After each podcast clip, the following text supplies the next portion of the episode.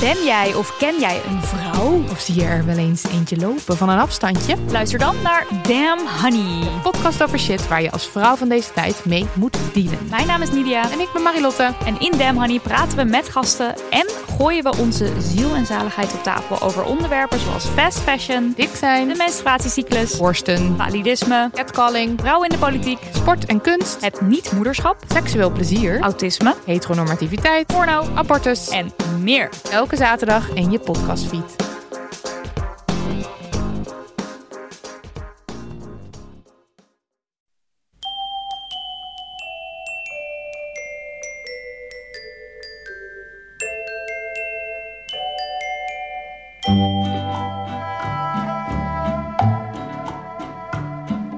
Welkom bij aflevering 420 van Echt Gebeurd.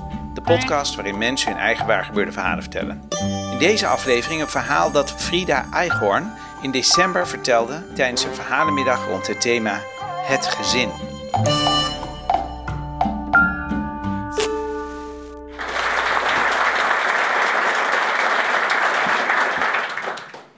Ik kijk nu door een andere bril. Ik kijk door zijn bril. Onze zoon was vijf jaar toen hij een bril kreeg. We kwamen via de huisarts vrij snel bij de oogarts terecht. En die aardige man vertelde ons heel rustig. Hij deed wat testjes.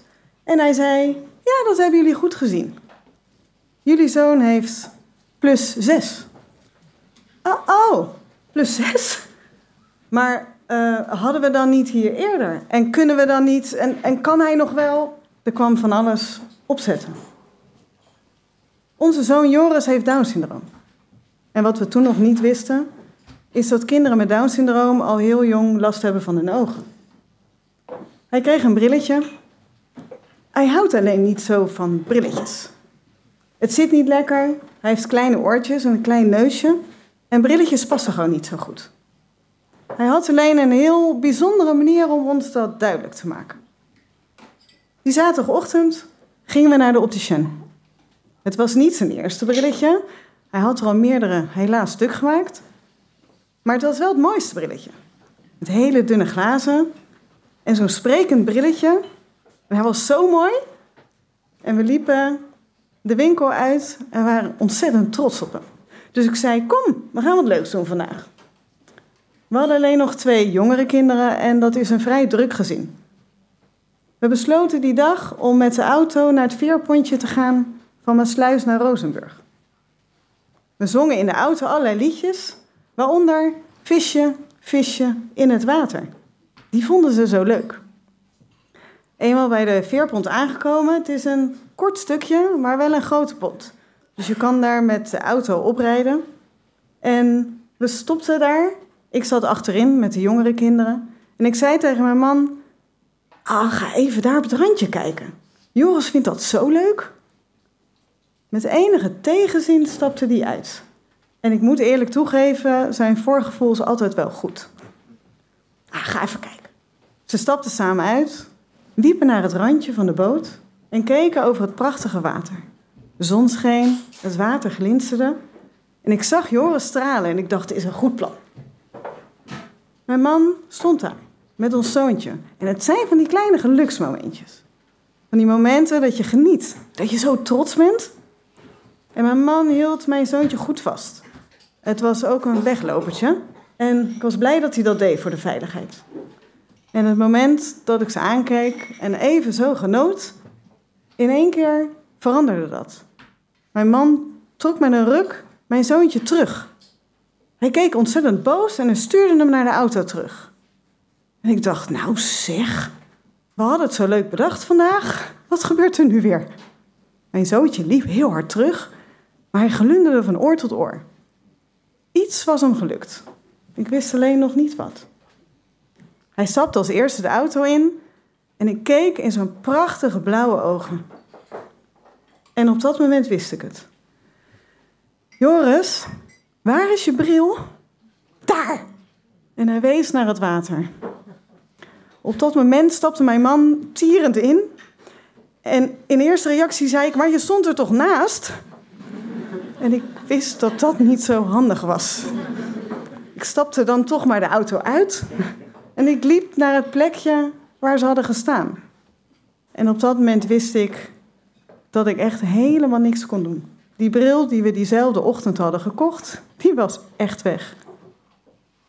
En ik stond daar en ik wilde gewoon begrijpen wat me bezielde om in een split second die bril in het water te gooien. En ik keek naar het water en ik zag het zo mooi glinsteren. En ik bedacht dat hij het zo leuk vond om steentjes te gooien in het water. En hoe zou het dan zijn om die plons van die bril te zien? En hoe zou het zijn als die visjes in het water ook een brilletje hadden? En ik had natuurlijk geen idee. Ik had geen idee waarom die dat had gedaan. Maar toch verzachtte het. Het verzachtte de emotie en ik liep terug naar de auto. Ik stapte in en ik zei heel rustig: Ach, schat, we bellen maandag de opticien wel weer. En Joris begreep echt wel dat hij iets had gedaan wat niet mocht. Maar zoals elk kind weet, iets wat echt nodig is, dat krijgen ze heus wel weer. En met plus 6 heb je natuurlijk als ouders geen keus. Die maandag belde ik de opticien. Doet u maar dezelfde. Doet u maar dezelfde? Ik moest het even uitleggen. En ik zei: Bestel alsjeblieft zo snel mogelijk dezelfde, hoeveel het ook weer kost. Hij heeft een bril nodig. En ik zei nog wel op het laatst: Maar één keer nooit meer. Dat had ik hem natuurlijk ook verteld. Maar helaas, hij was ons nog heel vaak te slim af. En vooral te snel. We maakten op zondag veel, uh, fietsten we vaak door het Westland heen, waar we wonen. En daar is heel veel water. En bij elk bruggetje bovenaan wist hij in een split second zijn bril toch nog even in het water te gooien. We hebben heel vaak in de sloot gestaan met een hark om zijn bril op te vissen. Nu moet ik heel eerlijk zeggen, ik wees het plonsje aan. Mijn man stond in het water. En we hebben hem echt niet altijd gevonden. Want dat brilletje dwaalt zo heerlijk met de stroming mee naar net een plekje waar jij dan niet zoekt. We hebben van hem geleerd dat je door een andere bril kan kijken. Dat je situaties kan voorzien. En dat je ook kan begrijpen waarom hij zoiets doet. Maar hij heeft ook van ons geleerd. Want voor alles is een oplossing. En ik zocht net zo lang een opticien die een 3D-scan maakte en een brilletje op maat heeft gemaakt. Ik vroeg me alleen wel op het eind, kan er een heel sterk sluitingje aan de achterkant? Want voor alles is een oplossing.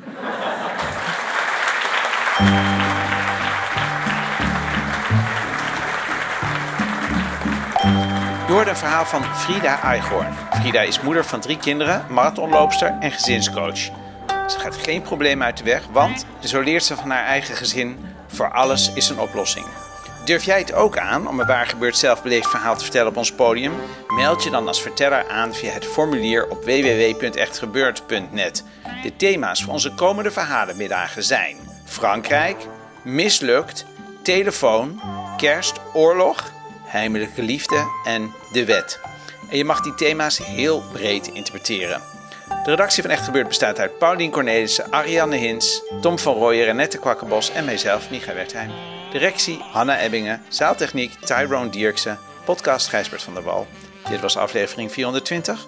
Tot volgende week en vergeet ondertussen niet, reclames zijn soms super irritant, maar we hebben ze nodig om de productie van deze podcast mogelijk te maken.